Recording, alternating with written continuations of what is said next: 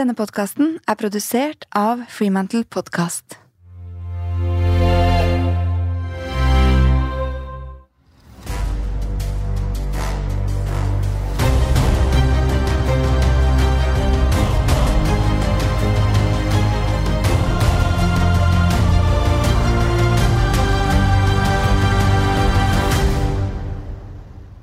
Mitt navn er Cecilie Ystnes Myhre, og jeg jobber som mentaltrener og lederutvikler. I denne podkasten snakker jeg med mennesker som presterer på høyt nivå innenfor sitt område, og som deler verktøy og råd for at du kan få ut enda mer av ditt potensial. Hei og velkommen til det jeg vil kalle en sommerepisode av eh, Grit Podcast. Eh, denne våren så har vi dratt dere gjennom eh, mange spennende samtaler med alt fra Trond Kvernstrøm til Marianne Gaarder Amland. Og vi hadde lyst til å gi deg eh, litt ekstra inspirasjon nå rett før sommeren. Og med meg i studio i dag så har jeg Rikke Møller Gressvig. Og for dere som følger litt med på eh, vårt selskap Raw Performance, har dere fått med dere at Rikke har nylig kommet inn som daglig leder og metalltrener. Og eh, Rikke, du kan jo fortelle litt kort innledningsvis. Hvem er du? Ja, hvem er jeg? Eh, ja, altså jeg er en eh, dame som har eh, levd og åndet i ulike miljøer hvor fokuset har vært eh, på liksom, sterke prestasjoner, vil jeg vel si. De siste ni årene så har jeg jobbet som eh, personalleder i McKinsey Company Norge. Så det innebærer eh, ledelse av HR-funksjonen vår, profesjonelle utviklingen av alle konsulentene. Kjempespennende jobb. Altså, for en energi og glede det har gitt meg hver dag å jobbe i et slikt miljø. Og nå har jeg tatt valget å krysse linjen over til performance coaching på heltid. Eh, da i Raw Performance. Så jeg har eh, bakgrunn fra både idrettsverden selv. Jeg er i dag også sertifisert yogainstruktør, så jeg er en ganske sånn eh, bred profil. Um, og har mann og et barn og bor i Oslo. Ja, og jeg syns det er fantastisk å ha med deg på denne episoden her, fordi eh, vi skal fortsette å snakke litt om eh, hvordan skaper man grit i denne samtalen. Og med ni års erfaring fra McKinsey Company i Norge, så sitter du med en helt unik erfaring i forhold til hva er det man ser etter i mennesker som obviously har en stor mental styrke og klarer å overkomme utfordringer. Gode mhm. problemløsere.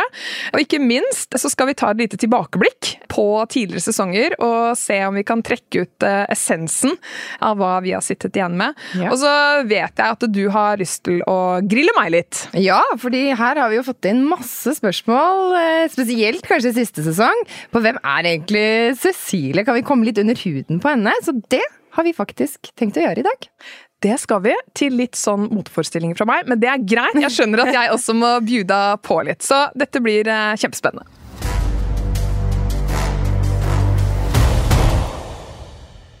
Rikke, ved siden av at du har den bakgrunnen du har, så har du også hørt mye på Grit?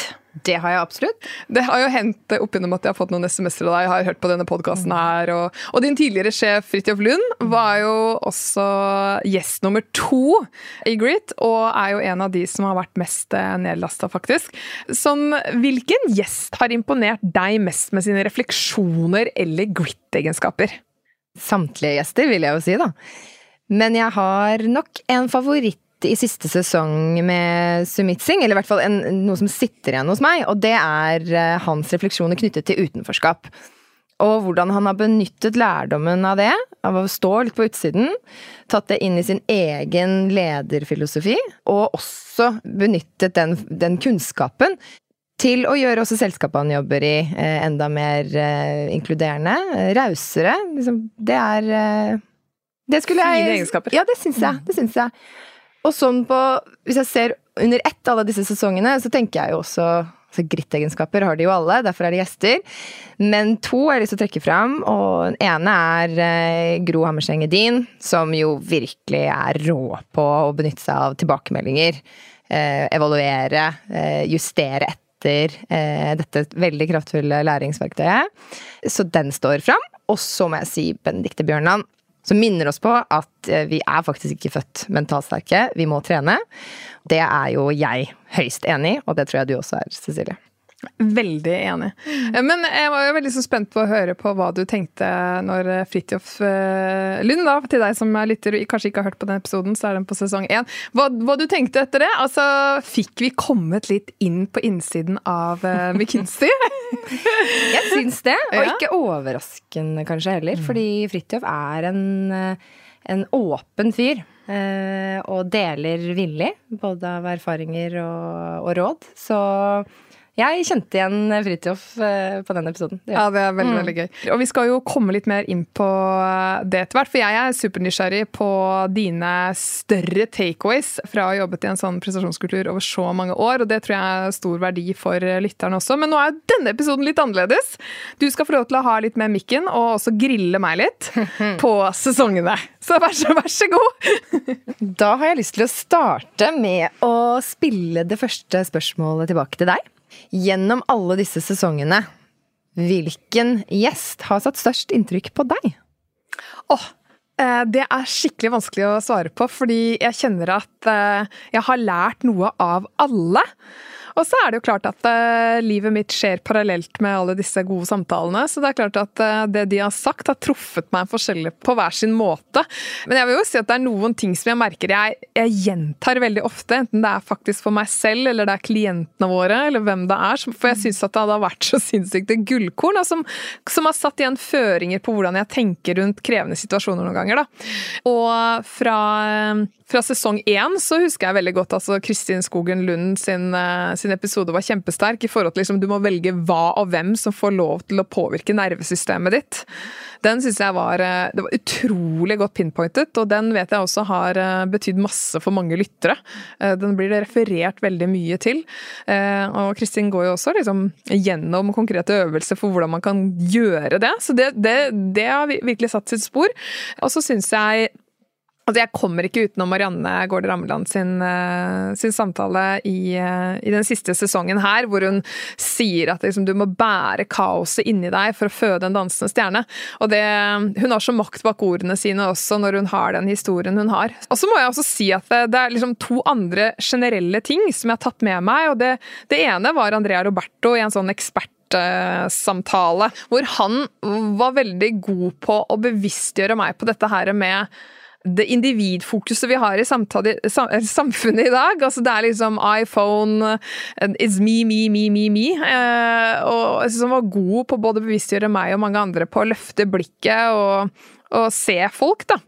Og så syns jeg det har vært så interessant å sett faktisk det at det, av alle mennene jeg har hatt i studio her, eh, når, de, når jeg har spurt de hva er ditt to go to-verktøy for å ja, ta kontroll på nervesystemet, slappe av litt igjen for å finne energi til å gyve på videre, så har det liksom vært faktisk ganske mye yoga. Det har vært veldig mye avspenningsøvelser. Og det er litt en sånn ny trend. Og jeg har aldri vært noe sånn spesielt god på å trene rolig, så jeg har blitt kjempeinspirert på også å anvende det som en del av verktøykassen. Så et langt svar, Rikke, men som du hører, veldig glad i gjestene mine. Men hvis vi tar det da til litt tilbake til start, da. Hvorfor podkast? Altså, du gjør jo så mye. Du har skrevet bøker, du skriver nå på din tredje bok. Eh, og podkasten er jo noen år gammel nå. Men eh, si litt bak visjonen eh, av podkasten. Nei, Podkasten går liksom under samme visjon som vi har i Raw. Det er jo å hjelpe andre mennesker, istandsette eh, andre mennesker eh, med gode psykologiske verktøy, sånn at de kan eh, mestre mer eh, i dette livet, hvor livet også skjer. Enten det handler om å være maks til stede i et eh, fantastisk øyeblikk som det å være i en Champions League-finale er, eller det handler om å være mer til stede hjemme med barna sine når man kommer hjem klokka fire og er sliten. Altså, sånn, vi har ulike arenaer hvor vi ønsker å bare Åh, mestre livet, da. Og jeg vet at hadde ikke jeg hatt den innsikten og kunnskapen om psykologi, så tror jeg ikke jeg hadde våget å gjøre som Kall det ting jeg ikke har kanskje alltid utgangspunkt for å få til, da, som f.eks. starte et selskap eller skrive en bok eller ja, pod. Altså, det er litt den der Pippi-mentaliteten jeg har hatt, men den det har ikke vært nok med bare å ha den mentaliteten. Jeg har måttet hatt verktøy. Og da kjenner jeg at det er utrolig gøy å kunne dele den kunnskapen med andre. Og så har jeg jo da hatt veldig mange eh, tusen én-til-én-samtaler. Og i de samtalene så lærer jo jeg også masse. Jeg er jo kjempeprivilegert som får lære av andres oppturer og nedturer. Og, men fy søren for en stamina folk har, da, hvordan de reiser seg og bare gyver på fremover. Og så tenkte jeg åh, så gøy å kunne delt liksom disse hodene, disse kloke hodene, med flere, da. Kanskje med noen spørsmål som man også vil kunne spore tilbake til en en-til-en-samtale med meg, selv om den er også veldig annerledes. Mm. Så i starten så var det jo også å plukke tidligere kunder og klienter som jeg visste på en måte hadde masse gull eh, i sin læring. Da. Og apropos læring, jeg har flere spørsmål knyttet til det. Eh, også en grit-egenskap. Evnen til å ta til seg, søke ut eh, læring, ta den til seg, justere. Eh, gønne, fortsette å gønne på etter målene sine. Hva har du lært, eller sitter du igjen med noe helt konkret ny læring fra én eller flere gjester? Jeg vil ikke si at jeg altså Nå kjenner jeg mange av disse gjestene fra før så jeg er privilegert. Hadde du spurt meg første gang jeg hadde pratet med, så hadde det sannsynligvis vært det. Men det jeg vil si jeg har fått, er et ekstra kammer og påfyll med inspirasjon til at vi alle opplever livet, eh, og vi alle opplever eh, motgang, press av ulik kaliber, da. Mm. Men at med en konstruktivitet og offensivitet knyttet til det, så kan man få til kanskje mye mer enn det man trodde var mulig. Mm. Og det vil jeg si har vært litt sånn når jeg kjenner at å, nå skraper jeg litt her, nå, synes, nå er jeg litt lei meg, eller noe. Ikke sant? Mm. Så kan jeg liksom tenke tilbake på noen av disse samtalene og bare Ja, men det var jo det hun sa, hun Randi Marjama, eller Silje Landevåg. Ikke sant? Hun har også vært gjennom dette. Ikke sant? Det er jo derfor jeg tenker sånn sharing is caring. Jeg syns det er fantastisk av dem å dele det så på lyst, for da mm. kan man bruke det mer godt for lytterne også, tenker jeg, Cecilie, å høre at eh, du, du er heller ikke utlært. Nei. Ikke sant? Nei. ja. Hvis jeg får bygge litt videre da på læring, hva har vært din viktigste læring sånn i gründerreisen som andre igjen kan eh, lære av? Eller en erfaring, da. Ja, ikke sant. Altså jeg spør jo mye om dette med filosofi. ikke sant? Mm. Har du en lederfilosofi, eller har du en livsfilosofi? og sånn. Jeg, jeg tror veldig på det. At uh, når du er tro mot deg selv, hvem du er, hva du står for, dine verdier, mm. Og ikke tenker at du skal kopiere noen andre, så står man veldig støtt i seg selv. Jeg bygger jo alle disse bøkene mine også nesten på det. Og det er jo fordi jeg kjenner veldig på at denne eksistensielle psykologien er så viktig der. Da. Så jeg har vel alltid kjent at det, uavhengig av hvilke utfordringer jeg møter på, så er jeg veldig opptatt av å være autentisk og være meg, og at det er det jeg på en måte må være, da. Skal jeg ha det bra i livet og ha denne gründerreisen on my terms over tid. For jeg har fått mange utfordringer opp igjennom at du burde gjøre det litt mer som enten om det hadde vært Bertrand eller eh, Tony Robins. Ikke sant? Sånn at Men nei, jeg kan ikke være de. Jeg, jeg må være Cecilie, og jeg må være Og det er jo kanskje liksom min Hvis jeg skal oppfordre noen igjen, da, så er det det med å bare Du må gjerne dra masse inspirasjon fra andre, og, og inklusive de gjestene som har vært i Grit, men uh, ikke undervurder deg selv og din egen erfaring og dine drivere og din personlighet osv., for det er jo det som er kruttet. Men Cecilie, det du sier der med at uh, du henter uh, trygghet i hvem du er Det er jo ikke alle som har en så stor bevissthet rundt Ja, hvem er jeg, da?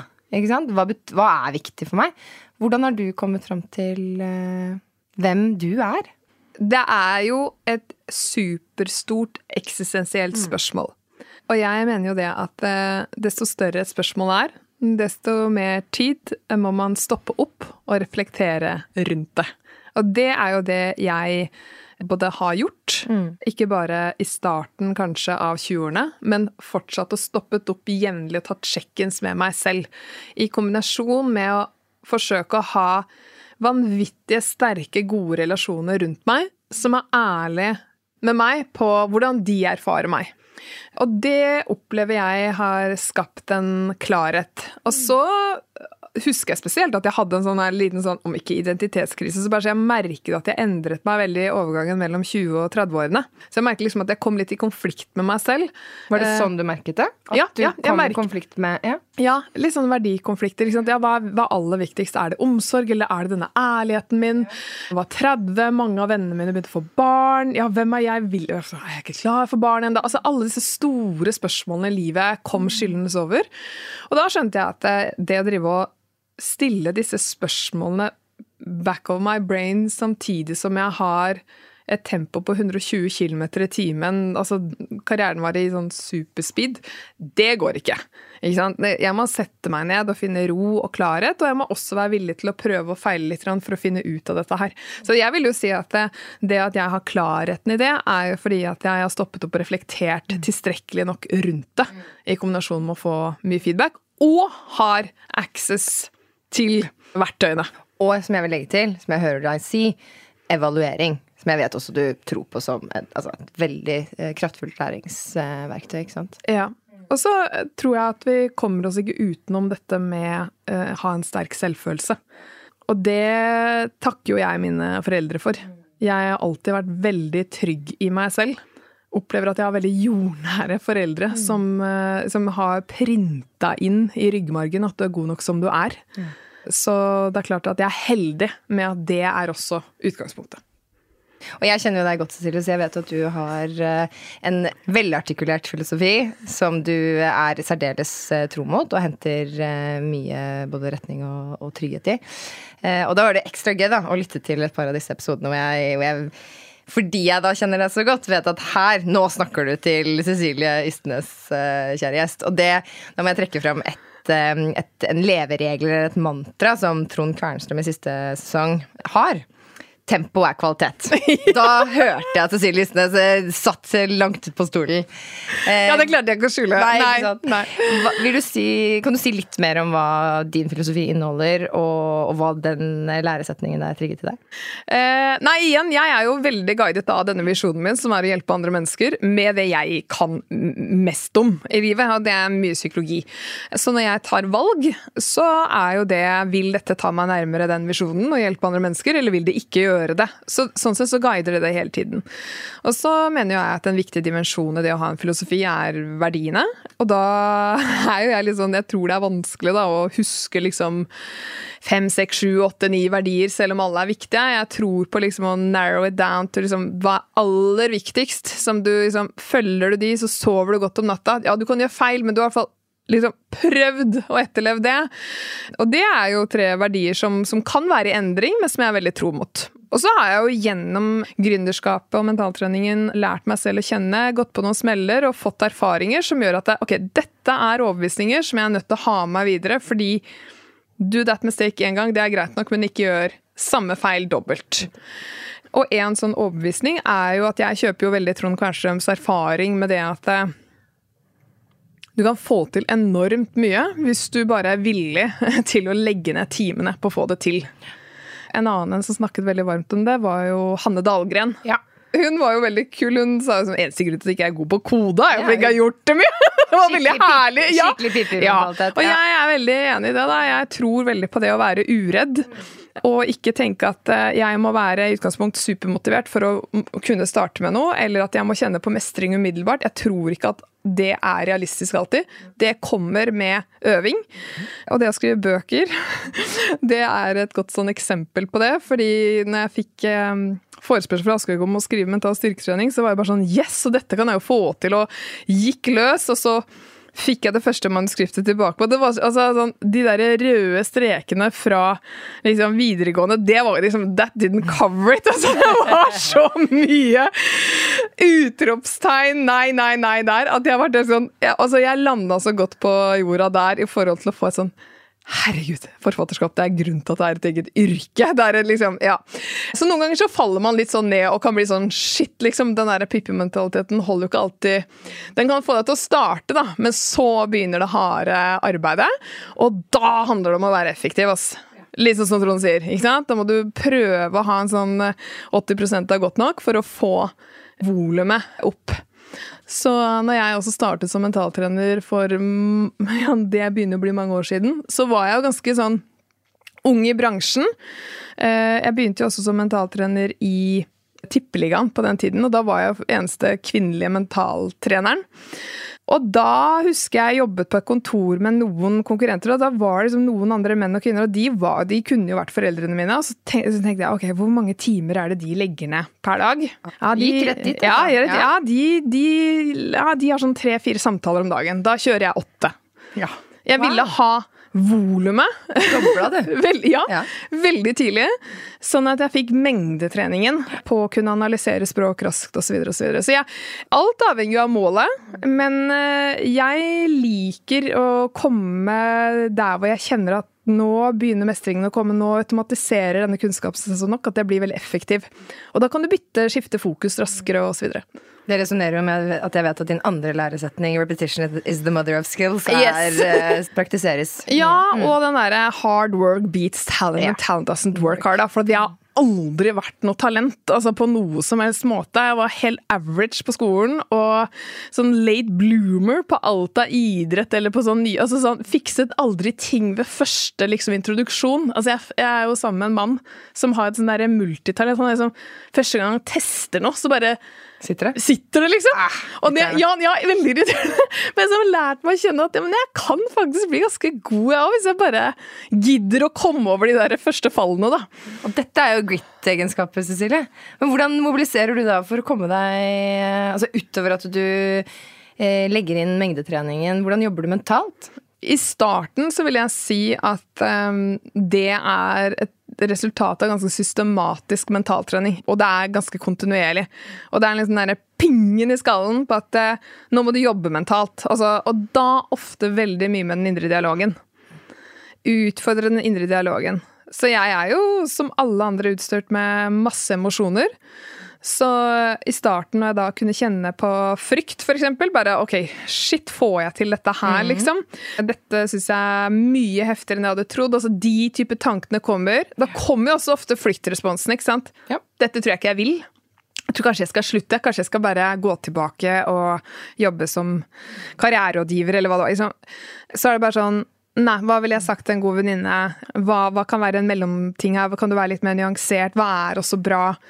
Og jeg tror det at det, det at jeg har stoppet opp og utfordret sånne tankemønstre tidlig nok, da, har vært key. Kan du gi et eksempel på, på det? Det er enklest for meg faktisk å gjøre det tidlig i karrieren, fordi jeg da Min første litt sånn større oppdrag som mentaltrener, eh, det var jo da eh, for Vålerenga fotball elitelaget, hvor Martin Andresen var eh, hovedtrener. Og det var en sånn Det er alltid masse oppmerksomhet rundt Vålerenga og Dagbladet. Alle var på de døgnet rundt, og så skulle han liksom gi meg denne muligheten. Og jeg var med ned på treningsleir i Marbella. Og det var jo sånn Du får to uker, er du god nok, så blir du med videre. Hvis ikke, så er du ut. Hardt press. Hardt press, og TV 2 var på. Det, var liksom, det ble veldig annonsert til alle sportsinteresserte i Norges land på at nå tester Vålerenga en mentaltrener, og da var det liksom 26 år, og så skulle du prove yourself. Det var utfordrende. Så jeg, jeg husker også, En sånn der garderobekultur den er ganske røff. Var i hvert fall det da. Og jeg eh, husker at eh, når de gutta der kjørte noen sånne der sinnssyke pranks på meg, så var jeg nok jeg så nervøs tidvis at jeg tok ikke pranksene. Altså Jeg trodde ærlig talt eksempel, at nå, nå er noen ute etter å ta meg skikkelig, Ja, liksom. ja. At da husker jeg hadde en sånn Det var en sånn situasjon på dass der jeg tenkte vet du hva, nå tror jeg faktisk jeg bare tar første fly hjem. Dette orker jeg ikke, liksom. Det, altså, det var 30 mannfolk. Du er alene dame på hele den der campen. Det var, det, var, det var mye for en ung jente som var førstejobb, altså. Men da var det jo egentlig bare å gå hjem til den derre Holdt på å si stusslig leiligheten. Det var ikke det, da! Den, som var for øvrig en kilometer unna resten av støtteapparatet. Eh, så alene var jeg. Men, eh, og liksom bare jobbe. Ok, hva er det jeg faktisk tenker nå som hindrer meg? Hva er målet mitt med dette her? Og forsere det. Og det fikk fram litt den kampviljen, da. Og dette her er jo å spotte. Ikke sant? Hva er det hjernen min forteller meg nå? Og, og legge strategier for å ta grep om tankene, ikke sant? som mindre Ja. dialogen handler om. Og så sitter jeg også nå og reflekterer over at dette er kjent for lytteren som har lyttet igjennom sesongen av Grit også, at den frykten for å feile, eller frykten for å sette seg mål, er ofte frykten for å feile. Og det er jo en ganske gjennomgående eller det er jo ikke det at gjestene du har intervjuet, ikke har hatt det. De også, de aller fleste har jo det, for det betyr noe. ikke sant? Men, eh, men det at man evner nettopp å, å gå på, snakke konstruktivt til seg selv, eh, istedenfor å la seg hindre. Ikke sant? Og det betyr jo ikke at det alltid er lett, eh, den jobben, men du gjør den, da. Og det gjør jo at den eh, kritikeren får tatt litt mindre plass, og da ser du jo plutselig disse mulighetsrommene, da. Og jeg syns også Marianne Gaarder Amland, som vi hadde i, i siste sesong nå, har en livserfaring med kreftdiagnose osv., som, som, hvor også hun får en helt annen makt bak ordene sine når hun sier at jeg klarer å håndtere kaoset for å føde en dansende stjerne. Når hun sier at 'jeg klarer faktisk å kontrollere det', så sa hun jo det ganske tydelig. Det er jo et resultat av beinhard eh, mentaltrening. Og det syns jeg er ganske sånn ærlig og godt sagt. Fordi mentaltrening, det vet jo vi godt, det er jo ikke noe quick fix. Nei. Noen håper jo at det er eh, quick fix, eller at det bare er for idrettsutøvere, eller at man må ha problemer for å gjøre det. Altså, det er sånne klassiske myter. Jeg syns hun var veldig flink til å være ærlig på hva det type arbeid innebærer. Og det er derfor vi har en jobb, jeg og du òg. Fordi det å gjøre den jobben kontinuerlig og systematisk, det er ikke alltid lett. Nei, absolutt ikke. Og hun deler veldig raust av de verktøyene hun bruker. Hun har ganske mange av de, sånn jeg husker episoden rett. Ja. Du har jo vært innom noen hos deg, men er det noen, eh, noen andre du vil trekke fram som sånn go to for deg? Enten det er å koble av, koble på. Ja, jeg syns jo at jeg er eh, heldig, da, ikke sant, og har fått studert mye psykologi, lært mye psykologi etterpå, og, og ikke minst fått praktisert hva funker og hva funker ikke, osv. Grunnen til at jeg skrev Stå støtt, var jo også fordi at etter å ha praktisert da så mange år, så Oi, nå er verktøykassen enda større. Så nå, nå, må jeg ut med det. Men det gjør jo at jeg har en lite sånn nesten en ryggsekk med verktøy som jeg kan ta frem litt ut fra hva slags problemstilling jeg står overfor, hva jeg ønsker å oppnå, hvor jeg er den dagen osv. Så, videre. så jeg vil ikke si at det er noen sånn Indre dialog er jo obviously en som man må forholde seg til enhver tid. Men jeg syns også det med å kunne vite litt hvordan kan jeg regulere følelsene mine litt effektivt når det trengs er en go-to. Hvordan kan jeg skifte fokus f.eks. mellom forskjellige typer arbeid? Altså, Vi sitter jo mye én-til-én-samtaler og snakker, og så skal vi plutselig kanskje forberede denne podkasten eller skrive bok. Det er to forskjellige typer fokuskanaler, så det, liksom, det å ha sånne fokusskifter Der bruker jeg noen teknikker. Ja, Kan du si litt mer om hvordan du gjør det fokusskiftet? Jeg bruker faktisk den eh, teknikken som jeg skriver om i Ståstøtt, altså ABCE. Mm. Fordi ofte mellom sesjonene mine også, så har jeg bare ti minutter eller fem minutter. Og det er jo veldig fort gjort at eh, jeg da kan begynne å tenke på den samtalen jeg har hatt, og ikke er til stede her og nå for den mm. samtalen jeg skal ha. For eksempel. Eller for eksempel at jeg er på vei hjem etter et viktig møte, og så veit jeg at når jeg tar i det håndtaket der, så har jeg lyst til å være fully present med, med dattera mi. Eh, og da ABC veldig fin, syns jeg. Og det er A står for attention. Det betyr at jeg spør meg selv og sjekker inn hvor er fokuset mitt nå. Er det på det jeg ønsker at det skal være? Da, noen ganger er jo det på fortiden, andre ganger er det på fremtiden. Men der og da har jeg lyst til å bare være der og da, da f.eks. når jeg er på vei hjem. Så da bevisstgjør jeg meg på det. Det er A-en. B er body. Det betyr at jeg tar en veldig Det her går kjapt. Ja. Raskt bodyscanning og sjekker av hvordan er spenningsnivået mitt. Og da er jo det også igjen litt hva som er målet. da, så Hvis jeg skal inn og møte Victoria, dattera mi, så ønsker ikke jeg at det skal være skyhøyt. Det trenger ikke være lavt heller, jeg vil jo ha energi. Eh, men hvis jeg kjenner at nå har jeg liksom pusten oppi brystet, eh, ja, da tar jeg et dyp pust. Og så er det C, som står for Q-word, dvs. Si at jeg bruker et triggerord for å minne meg selv på hva jeg vil. Og da er jo det noe jeg har forberedt på forhånd, så det er ikke sånn at jeg finner på et triggerord der og da, men det kan f.eks. være fokuser nå, eller et eller annet. Og så er det E som står for external focus, altså eksternt fokus. Og vi kan jo da skille for å si det kort til lytterne, mellom internt og eksternt fokus. ikke sant? Internt fokus er jo når vi tenker og grubler inni oss selv, mens eksternt er jo når vi fokuserer på det som er utenfor oss selv. Eh, enten det er naturen eller barna våre eller familien eller Og ikke har en intern dialog, da. Så da har man liksom på ABC gjort en intern fokusrydding, eh, og så er oppgaven å tune inn på det eksterne. Enten det er å lytte til fuglene, eller det er å fokusere inn på liksom Ja, ok, nå er dattera mi der, men ja, hvordan er, ser hun ut nå, da, etter å ha vært i barnehagen, og hvordan er stemningen hennes? Og bare virkelig tuner inn. Ja, det er jo sinnssykt fin fokustrening. Godt tips. Ja, det, og det er litt sånn inspirert av uh, politiet, som ofte kjører de type fokusskiftene mellom oppdrag. Som jo kan oppleve ganske sånn traumatiske ting og må skifte fokus.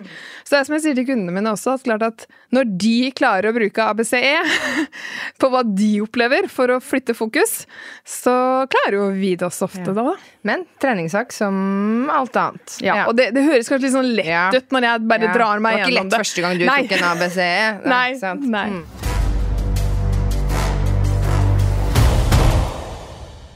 I Raw Performance så får jo vi mange henvendelser på mennesker som ønsker å forbedre prestasjonen sin og få ut mer av potensialet sitt. og noe av det vi ser vi har høy pågang på nå, det er jo mennesker som ønsker å ta mer kontroll på negativ stress, rett og slett. Altså eh, bli mer effektiv på å lade og hente energi. Eh, du med din erfaring, hva tenker du er noen av de aller viktigste aspektene for å få til nettopp det? For det første så tror jeg det er veldig individuelt på hva som gjør at hver og en av oss lader og finner energi. Men jeg tror det er Jeg tenker overordnet eh, tre ting. Og ville startet med sant, hva er jobben min nå? Hva er innenfor min kontroll? Det er et viktig område å få klarhet i.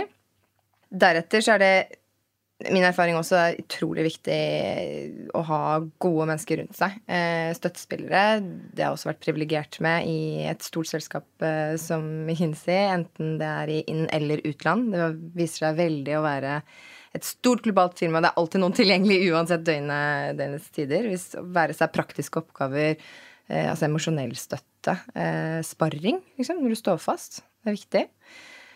Personlig syns jeg også det er viktig å få brutt ned målene ned til liksom bite-size arbeidsoppgaver. Um, og sist, men ikke minst, og det blir jo en fjerde ting, da, men det er uh, tilstedeværelse. Her og nå, være i kroppen. Uh, du sa i sted følelser, liksom, ta kontroll over alle disse følelsene. Bruke pusten. Koble deg på nervesystemet. og se, Pusten kan gjøre mye uh, til å hjelpe oss der. men å være her, kjenne føttene det du tar i dørklinken, som du også var inne på med fokusskiftet. Det kan brukes like fullt til å samle oss litt, da. Mm. I McKinsey så søker man jo å finne de beste problemløserne. Altså de beste talentene. Selv om jeg ikke er så glad i talentbegrepet, så er det det det handler om. Som også evner å jobbe hardt. Og da er jeg også bare kjempeinteressert på hvordan spotter man det eh, når man skal rekruttere grit? Cecilie, det er ganske vanskelig faktisk å spotte en egenskap som uh, grit.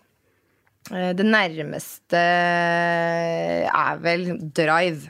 Og det er den egenskapen vi tester eller Også som man kan se på en, en CV til en kandidat. Hvor, hvor, mange verv har du hatt ved siden av?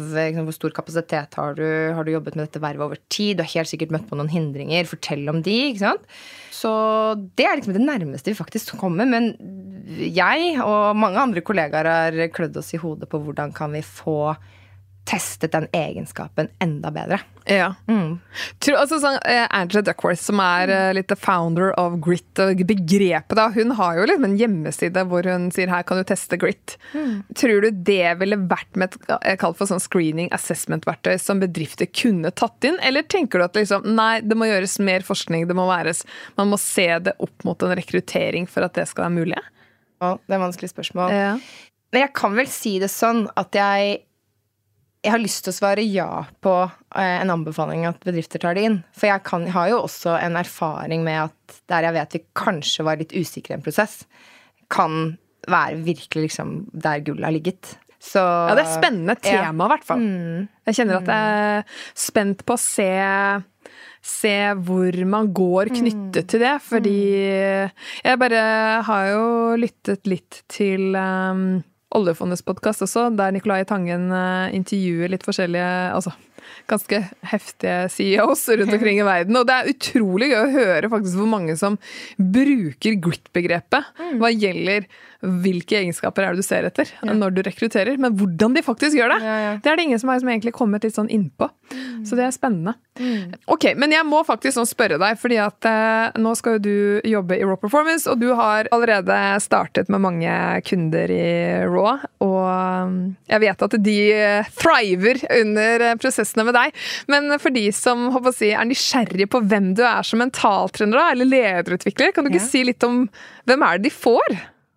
Jo, altså først og fremst så får de en som er eh, veldig investert i, eh, i dem selv. Altså en som er oppriktig nysgjerrig, graver eh, inn til kjernen for å få tak på hva er det som virkelig driver hver, hver enkelt av oss, ikke sant?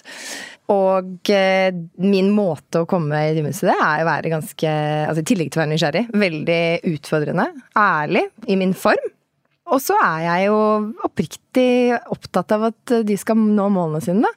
Så, men en, en ganske En utfordrer. Ja, og jeg vet at du, når du sitter på kveldene og reflekterer over dagen, da kan du fortsatt tenke på dine kunder, fordi du Ja. elsker Ja.